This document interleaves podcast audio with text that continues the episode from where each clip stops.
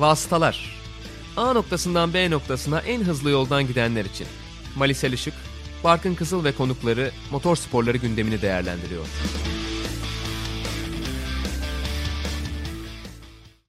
Vasıtaların 56. bölümüne hoş geldiniz. Sokrates Podcast'te 3. sezon 13. bölümümüzde Britanya Grand Prix'sinin ardından sizlerle beraberiz. Ve bugün Formula 1 ağırlıklı olmak üzere yine yeni bir bölümle karşınızda olacağız. Ben Barkın Kızıl, Mali Selişik'le beraber tabii ki de mikrofonlarımızın başındayız. Mali hoş geldin. Hoş bulduk. Bugün bu bölüm özelinde diyelim sprint yarışını heyecanla bekliyorduk ve nihayet o sprinti görmüş şekilde kayda giriyoruz. Bize neler getirdi sprint sence direkt olarak konuya gireceğim. Öncesinde tabii Cuma günü bir de sıralama turlarının gün değişikliği mevzusu var ki orada da aslında sen sıralama turlarını anlattın. Biraz da belki o tecrübeden de bahsetmek istersin. Bu şekilde başlayalım programa. Yani sıralama turlarının en hızlısına pole pozisyonu dememek için gösterdiğimiz çaba. Cuma günü ben, cumartesi günü Serhan abi sonuçta o da yine bahsetti. E, hakikaten zordu çünkü alışılmış bir şey yani. Hani tek turluk sıralama seansı içerisinde en hızlıya sadece en hızlı işte yarın ilk sırada başlayacak olan pilot. Bir sürü farklı farklı terim bulmaya çalıştık. Biraz garipti pole pozisyonunun en hızlı tura tek tura verilmemesi.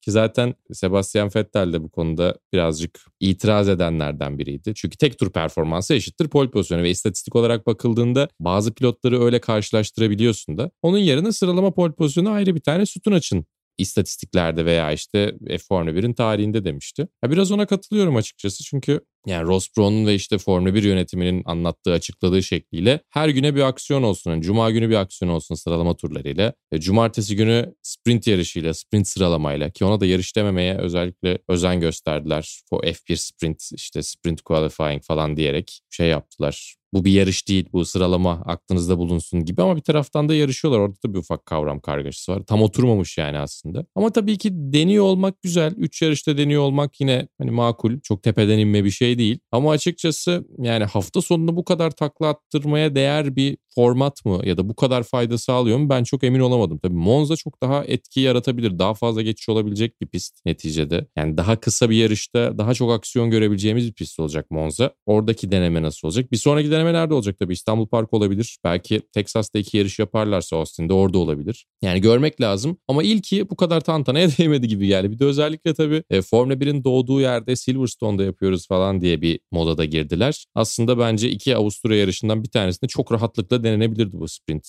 formatı diye düşünüyorum. Evet belki Avusturya pisti de hatta Silverstone'a göre daha da uygun olabilir. Evet uygun geçiş yapılır. Hay Silverstone'da yine yaparlardı. İlk Avusturya, ikinci Silverstone, üçüncüsü Monza olurdu. Bitti gitti bence gayet güzel. Üç yarışta denemiş olurlardı. Üç tane de köklü sayılabilecek pist yani. Avusturya'yı bir tık daha ayırıyorum tabii ama Sevilen pistlerden bir tanesi sonuçta. Bence olurdu. İlkini illa Silverstone'da yapmak zorunda değillerdi. Bir taraftan şey de ilginç oldu tabii. Yani sadece 60 dakikalık bir tecrübeyle 60 dakikalık antrenmanlardan elde edilen veriyle sıralama turlarına gitmek zorunda kaldılar. O da saçma. Yani ikinci antrenmanlar cumartesi sabahı park verme kuralları içerisindeyken yapıldı. Bir şeyleri değiştirebiliyorsunuz ama bir taraftan çok da bir manası olan bir şey değil. Çünkü artık bir de şey durumu var. Yani tek tur geçmiş zaten. Cuma günü bitirmişsin onu. Sadece yarış temposu denenecek bir antrenman seansı oluyor ikinci serbest antrenmanlar. Çünkü önünde iki tane yarış seansı var. Biri sıralama yarışı, biri Grand Prix. Yani o da biraz garipti. Şey yapılabilir mi? Yine yani illa 3 günde de 3 tane aksiyon yapılması gerekiyor mu? Mesela cuma günü antrenmanlar, cumartesi günü sıralama turları üstüne sprint yarışı, pazar günde yarış yapılabilir mi? Ama işte 3 günde bilet satmaksa eğer amaç o zaman tabii ki bu benim söylediğim şey e, makul olmaz. Ya bilemiyorum illa bu kadar Formula 1'i aksiyonla veya işte kurallar bütünü belirleyelim ki sürekli yarışsınlarla doldurmaya gerek var mı? Ben emin değilim. Bir de çok heyecanlı bir seans bence yani sıralama turları. Kusursuzlaştırılmış bir format zaten. O yüzden seneye zaten çözecekleri bir problem diye düşünüyorum e, yeni araçlarla birlikte ki o da tanıtıldı perşembe günü. Hepimizin ortaokuldan hatırladığı o alacalı kırtasiye defter kaplarıyla boyamışlar zannediyorum aracı. Yani şey olmasın diye e, griddeki araçlardan birinin rengi olmasın diye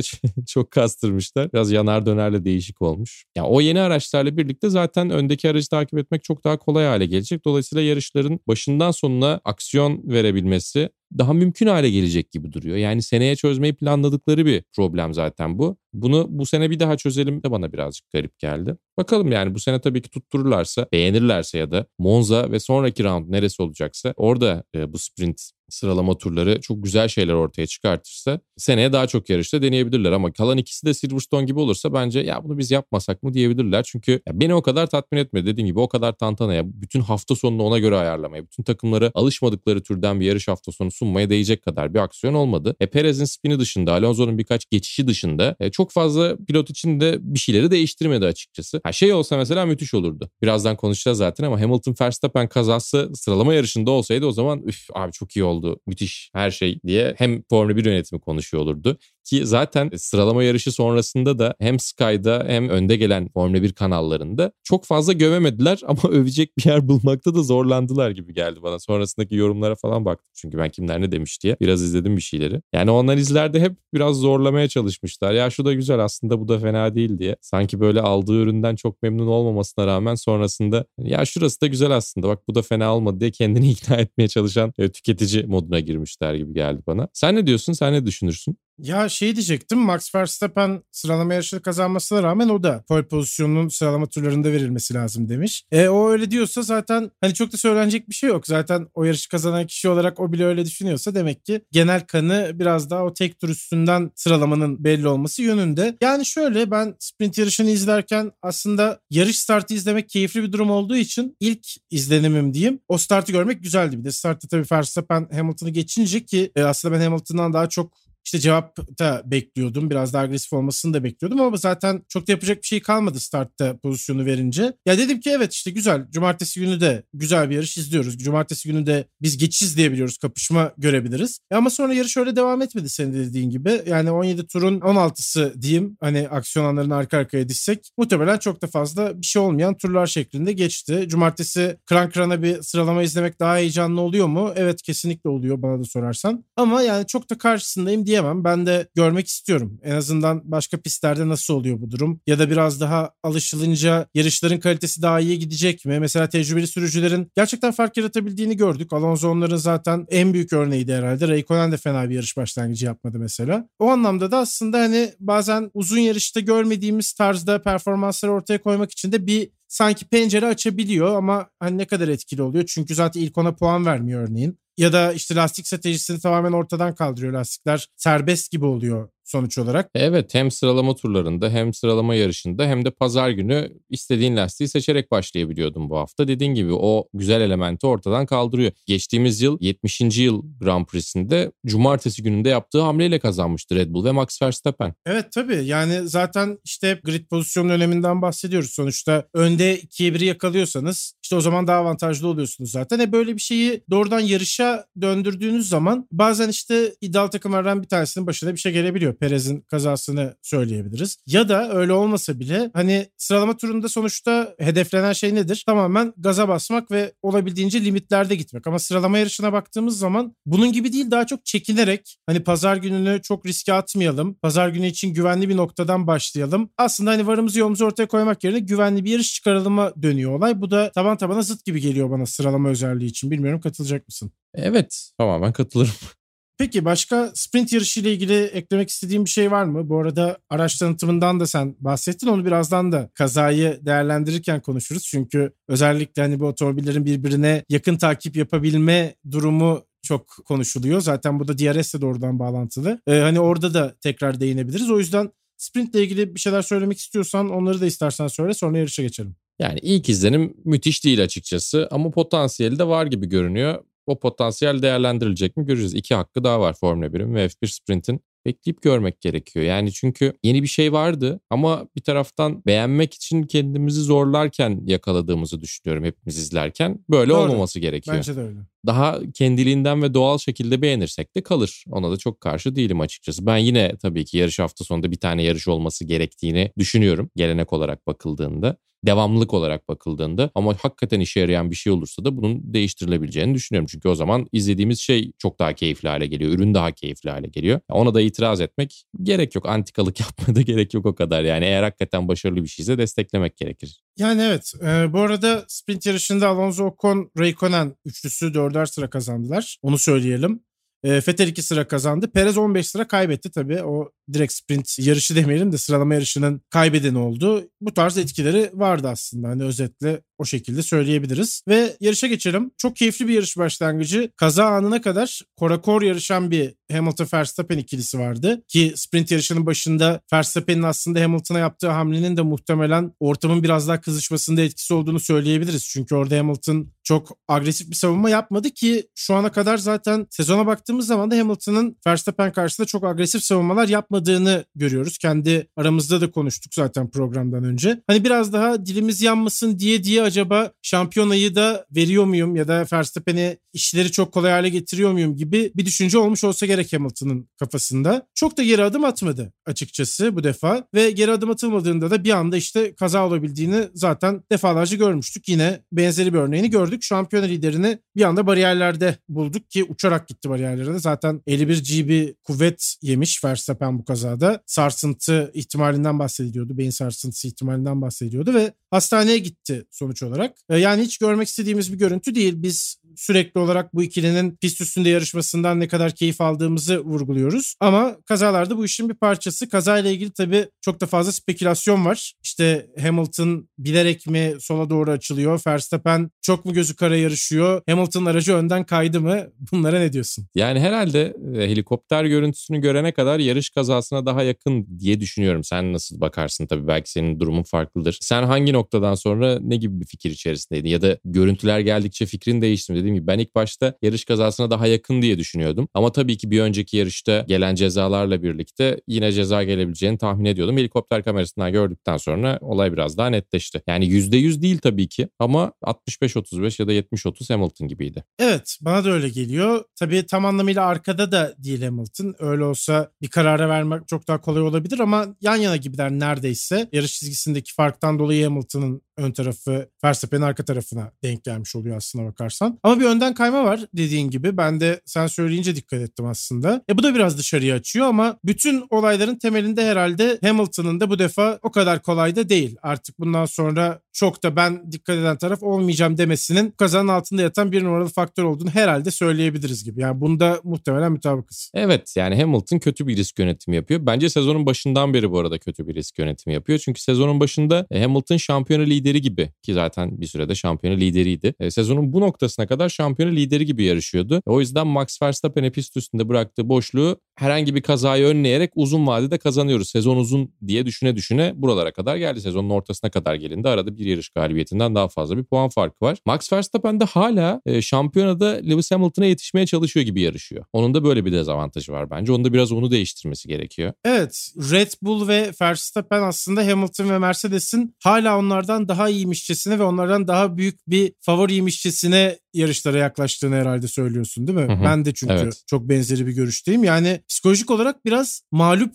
durumdan o galip duruma gelme konusunda hala bence çok olgunluğa ulaşamadılar en azından öyle söyleyeyim. Ya çünkü şeyi bilmiyorlar. Hani bu sene tek şansımız mı yoksa önümüzdeki yıldan itibaren yine önümüzde şanslar olacak mı yoksa Mercedes yine bu seneyi biraz yarım geçip ya da işte bu sene belki kaybetme ihtimalini göze alıp önümüzdeki seneye tamamen odaklandılar ve bir daha şampiyonluk şansı önümüze bile gelmeyecek mi ikilemindeler. Ama ne olursa olsun gerçeklere bakmak gerekiyor. Şu anda şampiyonada liderler. Hatta buraya gelmeden önceki durumdan bahsedelim. 44 puanla takımlar şampiyonasında 33 puanla da pilotlar şampiyonasındaydı yarış öncesinde. Puan farkı eğer yanlış hatırlamıyorsam e, sprintte verilen puanlarla birlikte diye düşünüyorum. Böyle bir durumda artık bundan sonra kaliteli puanlar alalım çok da fazla yetişmelerine izin vermeyelim. Kazanabiliyorsak tabii ki kazanalım ama birincilik ikincilik arasında değişecekse yani bir Hamilton kazanacak Verstappen ikinci bitirecekse bu Red Bull için iyi bir sonuç olabilir diye düşünmeleri gerekiyor artık. Çünkü yani Verstappen biraz daha temkinli. Bu arada zorunda değiller onu da söyleyeyim. Ne Hamilton temkinli davranmak zorunda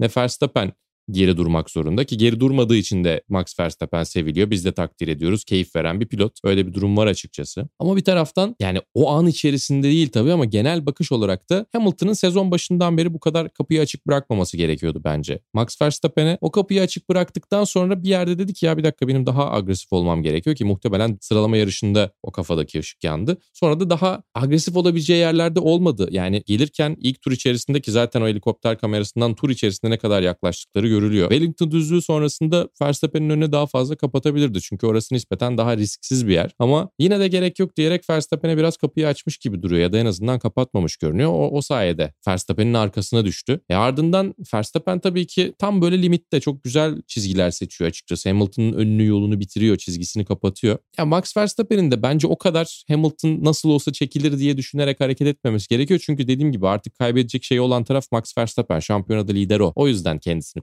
kollaması gerekiyor. Yoksa haksız diye değil ya da suç onda diye değil kesinlikle böyle bir şey söylemiyorum. E, Hamilton da dedi ki ya tamam yeter artık biraz da ben agresif olayım ama biraz da ben agresif olayım denilecek yer Cops değildi. Çünkü en ufak bir durumda yani sonuçta yarışın başı lastikler daha tam olarak istediği performansa gelmemiş. Ya, araç tamamen yakıt dolu ve ağır bir otomobil sonuçta. Yarışın sonundaki gibi değil ki çok karşılaştırma yapılıyor. Biri yarışın başı, biri yarışın sonu e, Leclerc'le olan geçişte. Orada tabii ki Apex'i tutturuyor ama burada önden hafiften kayıyor. Yani Max Verstappen boşluk bırakırken ya ne olur ne olmaz bir ufak arkası kayar, bir ufak önü kayar, bir küçük düzeltme yapabileceklik boşluğu da vereyim diyebilir miydi Hamilton'a? Bence diyebilirdi. Ve yani geçildikten sonra bir daha sonu yok gibi bir durum Verstappen için yoktu bence. Hamilton için biraz var gibi görünüyordu çünkü sıralama yarışında bir kere geçildikten sonra çok fazla arkasında takılamadı Max Verstappen'in. O yüzden o böyle yani tren kaçıyor telaşına girmesini de biraz anlıyorum. Ama bir taraftan 7 kez dünya şampiyonu bir pilot olarak da bu kadar riski nerede kullanabileceği konusunda ikilem yaşamasını ve yanlış yerde daha fazla risk almasını çok fazla anlayamadım açıkçası. Ya cezadan da bahsedeceğiz herhalde değil mi? Hafif miydi ağır mıydı diye. Evet yani bu bütün konuşmanın ortasında 10 saniyelik bir ceza çıktı tabii ki. Ya ben hafif buldum açıkçası ama Bence hafif de. bulurken de aslında şunu düşünerek hafif buluyoruz aslına bakarsan. Cezayı alan tarafın Hamilton olduğunu ve diğer herkesten çok daha hızlı ve çok daha üstün yeteneklerle bezendiğini diyeyim. Biliyoruz ve hani Hamilton'a verilen bir 10 saniyelik ceza X bir başkasına verilen 10 saniyelik cezayla aynı ağırlığa sahip gibi gelmiyor bana. Ama öyle olmalı aslında. Tabii ki öyle olmalı. Zaten öyle olduğu için bu ceza çıktı. Hı-hı. Michael Massey de öyle söylemiş. Hani sonucu doğrudan değiştirmeye yönelik bir şey olsun diye öyle bir sonuç ortaya çıksın diye ceza vermiyoruz. Cezalar standartla veriliyor demiş aslına bakarsan. Evet böyle ama işte Hamilton 10 saniye olunca çok büyük bir etkisi oluyor mu? Olmuyor. Hala çok üstün. Hala Verstappen pistte yokken ki bugün Perez zaten hiçbir efor ortaya koyamadı. Sıralamadaki felaketler yarışta da devam etti kendisi için. Ya yani böyle bir durumda Hamilton için yarışı kaybettirecek bir ceza değil bu kesinlikle. Yani Leclerc tabii ki çok iyi bir sürüş yaptı ki zaten günün pilotu da seçildi. Bence elinden gelen en iyisini ortaya koydu. Ferrari de elinden gelen en iyisini ortaya koydu. İşte Sainz'le problem yaşadılar. Leclerc'le onu da yaşamadılar. Ama Mercedes'e direnemediler. Ve sonuç olarak Hamilton da kazanmış oldu. Yani hani adil mi diye soruyorsan ceza bence adil. Ama yeterli mi diye soruyorsan yeterli de değil. Öyle söyleyeyim. Çok güzel söyledin. Çünkü son dönemde FIA'nın verdiği cezalara baktığımız zaman tutarlı bir ceza. Artık çünkü pitten geçme cezası, dur kalk cezası gibi eskiden gördüğümüz daha ağır cezaları vermek yerine pite geldiğinde o pit stop'a 10 saniye eklemeyi tercih ediyorlar. Ee, biraz daha yarışın kendi akışı içerisinde gitmesine izin veriyorlar. Ama daha önce gördüğümüz şeylerle kıyasladığımızda ya da en azından yani galibiyeti etki etmeyen bir ceza gördüğümüzde e bir taraftan bu cezayı niye verdiniz diye de insan düşünüyor. Yoksa kesinlikle senin de söylediğin gibi adil ve daha önce gördüğümüz kendi içerisinde tutarlı bir ceza. Ama bir taraftan da herhalde tarihin en iyisi e, tartışmalarına Silverstone'da şaibeli bir yarış kazanmadan herhalde giremiyorsunuz. 1998 Silverstone'da Mia Schumacher Ferrari garajının bitiş çizgisinin ilerisinde olmasını kullanarak son turda dur kalk cezasını çekmeye gelmişti. Damalı bayraktan önce pit yolu içerisinde geçip ardından Ferrari garajında durmuştu. Ki o zaman da yasa dışı değildi. Daha doğrusu kural dışı değildi. Yasa dışı biraz dramatik oldu. E, kural dışı değildi. illegal bir hamle değildi. Çünkü kurallarda o kadar net bir şekilde belirtmemişlerdi. E şimdi tabii o tarz kuralları yazan ekibin başında artık pit duvarında oturmak yerine Ross Brown e, o ekip içerisinde sonuçta. E, biraz şey gibi eskinin hackerlarının sonrasında e, siber güvenlik e, uzmanları olmaları gibi. Ya o da çok ilginçti mesela. O tarz boşlukları kullanabiliyorlar. Burada bir yasal boşluk yoktu tabii ki ama yine de gelen cezanın galibiyeti etki etmemesi durumu vardı. Galibiyeti önleyememesi vardı. Bir kazaya sebebiyet verdikten sonra kesin bir şekilde galibiyete ulaşmanızı engelleyen bir ceza diye bir şey de söyleyemeyiz. Çünkü az önce bahsettik. E, bu cezayı atıyorum e, Hamilton'la Verstappen bir şekilde yarışta arkalarda başlasalardı ve ya da bir problem yaşayıp yarışa devam edemiyor olsalardı. E, Norris ve Leclerc böyle bir temas yaşamış olsalardı onlardan herhangi birine verilecek 10 saniye ceza onların galibiyete ulaşmasını ulaşmasını engelleyecekti. Çünkü üstün bir araçları yok. O kadar farklı bir performansa sahip bir araçları yok. Bu Hamilton özelinde veya Mercedes özelinde 10 saniye ceza çok fazla zirvedeki durumu etkilemiyor. Çünkü o kapatılabilir bir fark Mercedes otomobiline göre. E öyle olduğunda kişiye özel ceza veremeyeceğimize göre yine verilecek ceza da 10 saniye oluyor. Ama eldeki sonuçlara bakıldığı zaman da garip bir durum ortaya çıkıyor. Sonuçta yani çok kritik bir durum ve eminim ki Red Bull ve Mercedes herhangi tarafında olsalardı kazanın yani Hamilton dışarıda olsaydı Mercedes ve Toto Wolff de bu kadar dramatik konuşacaklardı. Ama sezonun geri kalanı acayip ilginçleşti hepimiz için. E, kazananlar e, vasıtalar Netflix ve Sport oldu herhalde. evet öyle de diyebiliriz gerçekten. Bundan sonra çünkü çok çok acayip olacak. Yani bundan sonra ikili mücadeleler ki pist üstünde karşı karşıya da geliyorlar. Ben bu senenin şampiyonluk mücadelesi olarak en çok hoşuma giden şeylerden bir tanesi o. Şampiyonluk mücadelesi veren pilotlar pist üstünde kapışıyorlar gerçekten. Ve bundan sonrakiler çok daha yüklü olacak. Çok daha enerji yüklü, elektrik yüklü olacak açıkçası iple de çekiyor olacağız. Aynen öyle. Yani ben de kesinlikle katılıyorum. Artık her yan yana geldiklerinde çünkü bu olay aklımıza gelip bir acaba mı diyeceğiz. Ee, yani Hamilton'ın daha önce geçtiğimiz yıllarda Albon'la talihsiz iki kazası var. Bana biraz onu da hatırlatıyor. Evet geri adım atmamak ya da ben sakinliğimi koruyayım, ben çok fazla işe abartmayayım dememek de böyle riskleri taşıyor deyip özetle o şekilde geçelim. Tabii olay sonrasında Mercedes ve Red Bull cephesinin Michael Messi'ye gönderdiği mesaj bombardımanı ondan da biraz bahsedelim istersen. Red Bull pit duvarı ayrı ayrı itirazlarda bulunurken Toto Wolff mail atmaya kadar götürdü işi. Michael Kurumsal de, Toto ya inanılmaz yani ben bir şey. yarışta maile bakamıyorum kusura bakma şeklinde bir geri dönüş yapıyor. Bir şey gibi yani bayağı plaza mobbingi yapmaya çalışıyordu Michael Massey. Mail gönderdim diye. Yani takımların tabii hani yarış direktörüyle ya da yarış komiserleriyle konuşması alışıldık bir durum. Ama bu kadar şeffaf olunca da tabii biz de aslında biraz daha işin içine girmiş oluyoruz. E tabii yani çıkartmak istedikleri her şeyi çıkartıyorlar. Bir yandan çıkartmaya çalışıyorlar en azından. Onu da anlayabiliyorum. Ama iki taraftan da abartılı açıklamalar da geldi. Hem yarışta masaya yöneltilen işte o diyaloglar içinde hem de yarış sonrası verilen mesajlar da istersen Helmut Marko'nun da söylediklerini paylaşalım. Yani hakikaten önümüzdeki yarıştan men edilmeli Hamilton'dan şeye e, Verstappen dışında başka biri o araçtan sağa çıkamazdı falan gibi. Ya bu kadar dramatize etmeye gerek yok. Sen bir kere sen tabloid bir gazete değilsin. Sen bir bireysin. sen bir özel kişisin. Yani Helmut Marko'nun tabii böyle şeyleri çok yeni değil. E, Sebastian Vettel zamanından beri sevdiği pilotu sonuna kadar kayırarak e, açıklamaları var. O yüzden yani onu da aslında yani makul bir kişilik olarak alıp yorumlarını değerlendirmemek gerekiyor ama ne olursa olsun bir taraftan Red Bull takımının parçası olarak da yorumları dinleniyor belli bir ağırlığı oluyor. Ona da dikkat etmesi gerekiyorken etmiyor. E, Christian Horner'ın da bence yorumları e, o kadar aklı başında değildi. Gerek yoktu bence. Ama %100 eminim dediğim gibi olayın diğer tarafında olsalardı bu sefer roller değişseydi aynı şeyi Toto Wolff'ten ve Mercedes'ten de görürdük. Ben biraz şeye takıldım açıkçası. E, Max Verstappen'in ben hastanede olmama rağmen Hamilton niye kutlama yapıyor denmesine. Ya bu o kadar dramatik bir şey değil. Mutlaka sormuştur Lewis Hamilton. İyi mi? İyi. Araçtan çıktı mı? Araçtan çıktı. Onun üstüne bir daha ya her şey iyi miymiş, afiyette miymiş diye sorulacak bir durum yok. Aklına gelmez insanın daha doğrusu. İyiyse iyi denir. Bu arada yani bu bilgi akışı olmamış da olabilirdi. Yani yarış içerisinde pilotun kafasını karıştırmamak adına çok net bir şey değilse e, bu bilgi akışını atıyorum e, Max Verstappen'de bir sakatlık olsa dahi araçtan çıktı diyebilirlerdi ya da yani bu bilgiyi saklayabilirlerdi. Bir şekilde etrafından dolanabilirlerdi. Pilotun yarış içerisindeki psikolojisini korumak adına. Ha, kritik kritik bir durum olsa yarıştan sonra sevinmemesi için bence birisi yanına gelip söylerdi de diye tahmin ediyorum. O tarz şeylere sonuçta dikkat ediyorlar Formula 1 takımları. Ama bir taraftan da 5 yarıştır kazanamıyordu Lewis Hamilton. Yani hakikaten galibiyete hasret bir Lewis Hamilton uzun zamandır görmüyorduk. Lewis Hamilton insanları, e, pilotları galibiyete hasret bırakıyordu.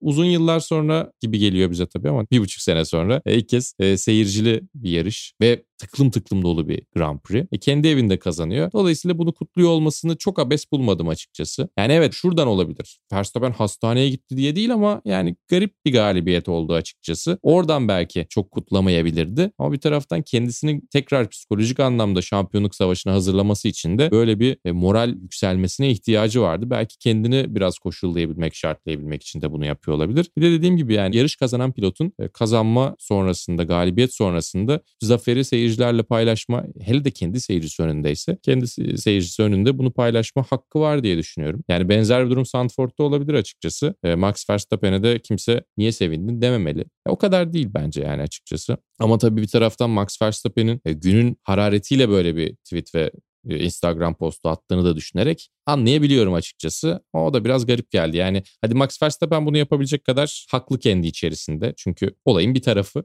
Ama diğer insanlar ya Hamilton nasıl sevinir falan. Bir de üstüne zaten hani bütün Formula 1 e, takımlarının önce Mercedes ve FIA birlikte sonrasında Red Bull ardından pek çok Formula 1 takımının ve pilotlarının ve bu endüstri içerisindeki insanların destek tweetleri de geldi ama bir sürü tabii ki e, salak saçma ırkçı söylemlerde de bulunmuşlar Hamilton'a karşı. Yani o tarz şeyler hep oluyor e, ve garip bir kutuplaşmaya da götürüyor. İnternetin biraz sosyal medyanın saçma taraflarından bir tanesi o. Oraya çok fazla girmeyelim. Yani çünkü önem verilecek insanlar olmuyorlar o tarz tweetlerin başındaki insanlar. Bir de söylenmesi gereken şey Formula 1'in içerisindeki insanlar zaten söylediler. Ama dediğim gibi yani gereksiz bir drama devşirmeye de gerek yok açıkçası. Şampiyonaya keyif veren, tat veren bir yarış oldu, bir mücadele oldu. Tabii ki çok yüksek hızlı olduğu için e, daha tehlikeli olabilme ihtimali var mıydı? Vardı. Yani bu drama, bu kaza daha güvenli olabilecek bir virajda, daha e, yumuşak şartlar içerisinde gerçekleşse çok daha sevinirdik. Ama dediğim gibi şampiyonayı çok daha ilginç bir hale getirdi. Evet tabii ki yine senin çok güzel özetlediğin gibi e, ceza adildi ama bir taraftan da yani Hamilton yine kazanıyorsa bu ceza niye veriliyor diye de insan sorguluyor. Evet yani sen de Sandford söyledin. Ben de aslında orada neler olacak şöyle bir ufak konuşalım diyecektim. Çünkü Britanyalı yarış severler çok coşkulu bir şekilde yarış takip ettiler ki Hamilton attığı o zafer turu da büyük bir coşku yarattı. Yani türbinleri ayağa kaldırdı tam anlamıyla. E Zandvoort'ta bundan da muhtemelen daha kaotik bir türbin ortamı olacak. Yani biz meşaleden yarış durur mu durmayacak mı yoksa onu konuşuyoruz seninle. Evet hakikaten öyle Öyle olabilir. bir ortamda bakalım neler olacak. Yani bu yarış Hollanda Grand Prix'si için de beklentiyi yükseltiyor herhalde değil mi? Katılıyorsundur. Ya bundan sonra sezonun geri kalan bütün yarışları için beklenti yükseltiyor ama dediğin gibi Sandford çok başka bir ortam olacak. Yani işte basketbolda Yunanistan deplasmanları. Onun dışında başka örnek nereler olabilir? Futbolda senin aklına neler geliyor? Böyle çok acayip deplasmanlardan bir tanesi gibi olacak. Yani motorsporunda çok fazla görmediğimiz e, şekilde. Hani tabii ki İtalya, Ferrari işin içerisinde olduğu zaman İtalya Grand Prix'si Monza'da bambaşka oluyor. E, ama bir süredir pek onu göremediğimiz için onu çok fazla koyamıyorum. En son 2019 çok acayipti. Ama yine şampiyonluk mücadelesi içerisinde olan bir Ferrari olduğu zaman işler çok daha başka oluyor. E, onu o yüzden şu an eklemiyorum ama yani Verstappen taraftarları zaten çok coşkulu taraftarlar. Kendilerine ait bir renkleri var. Bu sene Avusturya Grand Prix'sinde de gördük. Güzel bir tat katıyorlar. Ya Sandford'a bir taraftan şey olarak da ilginç. Yani tribünlerin yerleşimi olarak falan da böyle bir e, seyirci etkisini daha çok hissettirebileceğiniz bir pist. Açıkçası çok keyifli olacak diye düşünüyorum. Ve yani hakikaten Mercedes için ve Hamilton için acayip bir deplasman olacak. Yani yarışı ne kadar etkiler? Bu tabii Verstappen'de baskı yaratır mı? Zannetmiyorum. Çünkü baskıyla iyi savaşan isimlerden bir tanesi. Ya da en azından psikolojik olarak onu geri adım atmaktan ziyade kendine ekstra bir şeyler ekletebilen bir isim. Ama dediğim gibi yani sezonun bundan sonraki yarışların tamamı zaten çok kritik ve çok gergin olacak gibi duruyor. Bu da tabii ki sezonu daha keyifli hale getiriyor. Evet yani sezonda tabii beklentimiz gerçekten arttı dediğin gibi ama bu yarışa geri dönelim. Yavaş yavaş bölümün sonuna doğru da geleceğiz. Konuşmadığımız noktalarını biraz daha konuşalım istersen. Tabii daha çok artık tamamen Verstappen Hamilton üstünden konuştuğumuz bir yarış gibi oluyor ama yine dikkat çeken noktalar vardı. Bottas'ın örneğin içecek olmadan bu yarışı tamamlamış olması var. Çok yorgun da gözüküyordu gerçekten röportajında. Ve takım emriyle Mercedes'in değiştirdiği pozisyon. Bahsetmeye gerek var mı bilmiyorum. Çok sık gördüğümüz uygulamalardan bir tanesi. Bir takım içi emirle çok rahat bir şekilde Hamilton'ın sırayı almasını sağladı Mercedes. Bence hiç önemli değil ama hani bazı insanlar böyle olmalı mı olmamalı mı gibi de konuşabiliyorlar. Ben çok anlamlı buluyorum. Yani bundan önceki yarışta örneğin tabii aynı pozisyon için değildi belki ama Ferrari içinde de Sainz Leclerc için bir benzeri olmuştu. Çok net bir şekilde onlar da takım emirlerine uyup şanslarını denemişlerdi işte McLaren'dan puan çalabilmek için. Ya bunlar oluyor. Bence bu konuda herhangi bir tartışma noktası yok ama bilmiyorum buradan bir tartışma noktası çıkarmakta çok doğru mu? Ya yok çünkü yani ben çok bariz olduğu zaman hala tadım kaçıyor. E, Felipe Massa gibi PTSD'm var demek ki travmam var bu tarz şeylerle alakalı ama ya, sporun içinde hep oldu hep de olmaya devam edecek. Bir de yani takım emrinin nerede verildiği de önemli. İşte az önce örneğini verdik. Fernando Alonso Felipe Massa e, yer değişimi e, 2010 Almanya Grand Prix'sinde. E, Felipe Massa'nın bir önceki sene geçirdiği e, çok korkutucu kazanın yıl dönümünde adam yarış kazanacaktı ve şampiyonada da durum o kadar kritik değildi. Şu anda Mercedes ve Hamilton için şampiyonada durum kritik. Her puan önemli. E, bir taraftan temposu da yüksekse ki Hamilton'ın buradan galibiyete de gitti. Yani bunun bir manalı bir şey olduğunu da gördük açıkçası bu yer değişiminin. O yüzden anlayabiliyorum. Yani sevmiyorum ama kabullenmiş durumdayım açıkçası ben takım emirlerini. Olmamalıydı diye bir şey yok takım emirlerinden. Formula 1'i veya motor sporlarını çok fazla ayıramazsınız. Motosiklet sporlarında biraz daha az oluyor tabii ki ama orada da zaten geçiş yapabilmek biraz daha senin elinde. Orada takım emri birbirinize çarpmayın oluyor. Birbirinizi düşürmeyin evet, oluyor. Ki o da zaten söylenmesi gereken bir emir mi? Ondan da çok emin değilim. Yani bazen de söylenmesi gereken bir emir bu arada. Yani eh, evet. şampiyonaların ya da yarışların gidişatına göre bazen hatırlatmak da gerekiyor aslında. 2006'da Dani Pedrosa'ya söylemiş olsalar belki çok daha rahat bir şampiyonluk alabilirdi rahmetli Hayden. Yani şey ilginç geldi onu söyleyecektim. Ee, Serhan abi de zaten adrese teslim diye söyledi. Onun tabirini alıp kullanayım. 15. virajın çıkışında direkt Stove'da e, yer evet. ver diye. Bayağı adres tarifi verir gibi o takım emrini yaptılar. Biraz o ilginçti ama onun dışında yani çok beklediğimiz şeyler, doğal şeyler artık. Evet yani bir de kapatılması gereken bir fark var. İşte Leclerc kazanabilirdi gerçekten. E tabii galibiyet mümkün yani. Sadece şey gibi de değil. Bak hadi tamamen başka bir yere götürüyorum işi. Ters durumda olsalar ve Bottas daha hızlı geliyor olsa da benzer bir şey belki düşünebilirlerdi. Çünkü takımlar şampiyonasında alacağınız puanı da maksimize ediyorsunuz. Öyle bir durum var. Evet bir de yarış galibiyeti sonuçta aslında hafta sonuna gelirken bir takımın en büyük hedefi ne olursa olsun. E, tabii, Onun için de yapılabilirdi bu değişim. Senin de bir de rakibiniz gibi. sıfır puan alıyorken. Evet yani çok üstüne tartışılacak bir şey olduğundan değil ama konuşmadan ama geçmeyelim. Olalım. Aynen öyle. Ee, bu yarışla ilgili tabii Bottas'tan bahsettik. Perez'den dilersen bahsedelim biraz da. O da hiç kendini bulamadı ki aslında Perez bence son birkaç haftadır biraz dağınık gözüküyor. Hala onun da sözleşmesi belli değil. Belki bu durum kafasını kurcalıyor mu? Olabilir. Emin değilim. İşte dedikodular çıkıyor. Leclerc dedikodusu çıktı. Çok enteresandı mesela. Leclerc Red Bull ee, mu? Leclerc Evet ya- yalanladı sonrasında bunu. Ben Ferrari'de Sherlock'lerin 2023 sonuna kadar mı 24 sonuna kadar Evet mı? evet öyle. Kontratı bir de. Aynen öyle. Zaten o da tamamen dedikodu hani başka bir şey değil dedi. Bu dedikodunun e işte Leclerc'e kadar gitmiş işte. olması bile biraz saçma bence. Evet bence de. Belki Gazli dedikodusu. Yani Gazli'ye e, net bir dedikodu okumadım ama Gazli'nin Red Bull bağlarının korunup korunmayacağı ile ilgili bir yol ayrımında olduğu tabii konuşulan konulardan bir tanesi. İşte AlphaTauri'nin gösterdiği performansa göre diyeyim biraz daha üst seviyede olabilecek bir pilot olduğunu artık defalarca kanıtladı. Ben de katılıyorum hı buna. İşte onunla ilgili bir Red Bull dönüşü belki olur mu? İşte Perez biraz daha e, yaşça da geçkin Gazli'den ama ben pek böyle düşünmüyorum. Benim için Verstappen Perez ikilisi çok ideal bir ikili. Daha tecrübeli bir Bence ikinci de. adam Verstappen için daha faydalı olur. Bence Red Bull da böyle düşünüyordur. Ama acaba belki biraz kafasında bulandırıyor mu diye düşünmüyor değilim. İşte Leclerc'le olan temaslarında, Norris'le olan olayda hepsinde bunun etkisi var mı diye düşünmeden edemiyorum. Çünkü biz Perez'i biraz daha istikrarlı yarışırken görmeye alıştık. Evet eski döneminde pist üstünde daha böyle ufak heyecanları yaşıyordu da son zamanlarda daha olgunlaşmış bir Perez var gibiydi.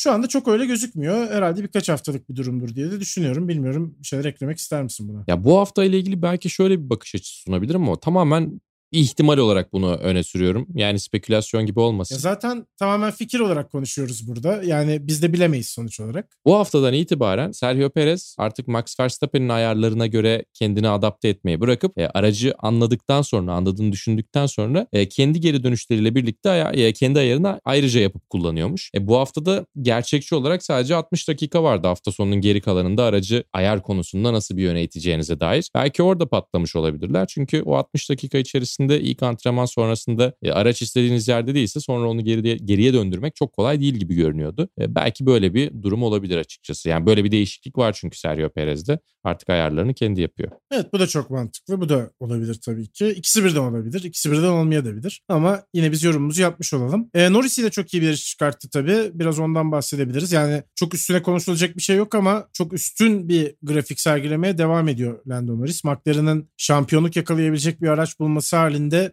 kesinlikle şampiyonluk adayı olabileceğini gösteriyor bence. Erken konuşmak tabii çok doğru olmaz ama o sinyalleri veriyor öyle söyleyelim. İşte Ricardo'yu mağlup etmeye devam ediyor. Sainz fena bir iş ortaya çıkartmadı. Hem McLaren hem Ferrari devam ediyorlar üçüncülük savaşında kıran kırana bir şekilde yarışmaya. Ve bu hafta sonu yıldızlarından bir tanesi de herhalde Fernando Alonso'ydu. Biraz da onu konuşalım. Sprint'te de biraz kendisinden bahsetmiştik ama bu yarışta da yedincilik ki yani bence şu şartlarda yine alınabilecek belki en iyi sonuç normal koşullar altında. Bu defa Alonso geri kalanların en iyisi oldu diyebiliriz herhalde. Evet Lando Norris ile ilgili şöyle bir istatistik de var. 15 e, yarış arka arkaya puan aldı ve McLaren'ın tarihinde en fazla yarış arka arkaya puan alan pilot oldu. Bana ilginç geldi. Tamam evet yani 2010'lar öncesinde zaten yarış sayısı 16-17 civarında seyrediyordu. O yüzden bir de dayanıklılığında o kadar iyi olmadığı zamanlardı. Ama en azından 2010'larda o kadar arka arkaya puan. Bir de tabii ki ilk 6 değil ilk 10 puan almaya başladıktan sonra. O da önemli bir kriter bence. Aynen öyle. Ya ben en azından bir Jenson Button belki bir arada Lewis Hamilton ki gerçi 2011'de sürekli Felipe Massa ile kafa kafaya geliyordu. Çarpışıyorlardı ediyorlardı. Belki daha sonrasında daha öncesinde. 15 yarış tabii bir, bir sezonun sonu diğer sezonun başı da olabiliyor bu arada tabii ki. Yani şu anki Norris'in istatistiği de böyle ama yani ilginç geldi. Norris'ten daha önce 15 yarışta arka arkaya puan alan kimsenin olmaması. Ama bu e, bir eksiklik değil. Bu Norris'in getirdiği bir artı. Yani onu takdir etmek gerekiyor. Diğerleri niye yapamadı diye eleştirmekten ziyade. Ya çok sağlam, çok istikrarlı bir pilot haline geldi. Zaten geldiğinden beri kumaşını belli ediyordu. Ama McLaren'ın elinde şampiyonluk mücadelesi verebilecek bir araç olduğu zaman Norris çok sağlam olacak gibi duruyor. Çünkü hızlı olması gerektiği yerlerde zorluyor, hızlı oluyor. Ama şampiyonlukta çok daha önemli olan bir faktör olan doğru puanları doğru yerde gelip alabilmek ve fırsat geldiğinde değerlendirebilmeyi çok iyi yapıyor. Ha tabii bu şampiyonluk seviyesine bir iki basamak yukarıya çıktığında ne olur? Orada biraz daha sinirler e, gerilebilir mi? Eller, ayaklar titremeye başlayabilir mi? Onları eğer böyle bir duruma düşerlerse göreceğiz McLaren'dan. Böyle bir duruma e, yükselirlerse demek lazım. Kendilerini şampiyonluk potası içerisinde bulurlarsa. Umarım bulurlar. Umarım görürüz. Ama Norris şu ana kadar çoğu sınavdan başarıyla geçiyor. Fernando Alonso özelinde konuşursak da Sezonun en iyi sonucu değildi tabii ama 2014'ten e, beri Silverstone'daki en iyi sonucuydu Fernando Alonso'nun. O da alıştı gibi duruyor artık yani sevdiği pistlerde güzel işler yapıyor ki Silverstone'da daha önce e, yıllarca dillere destan ikili mücadeleler sergiledi bize Fernando Alonso. O yüzden sprint yarışında e, onun iyi bir şeyler yapabileceğini az çok tahmin ediyorduk. Beklentilerimizin üzerinde olduğu isimlerden bir tanesiydi. Yarışta da gayet güzel bir iş çıkardı. Fettel yarışta iyi değildi. Ya ona da üzüldük açıkçası. Kendi kendine çok saçma sapan bir spin attı ve arka arkaya güzel puanlar aldığı bir seriyi de yakalamıştı. O seriyi de bozdu. E, sonrasında ama çok şık bir hareket yapmış. Tribünlerde seyircilerin bıraktığı çöpleri toplamış. Güzel örnek olmaya devam ediyor pist dışında ki bence yani o kadar kötü bir hafta sonu geçirdikten sonra e, pistten defolup gitmek istersiniz bir yarış pilotu olarak. Psikolojiniz bu şekildedir. Belki o öyle kendini rahatlatmıştır. Biraz belki kafa dağıtmak içindir. Yine de çok takdir ettim. Benim çok hoşuma gitti. Evet güzel bir hareketti gerçekten.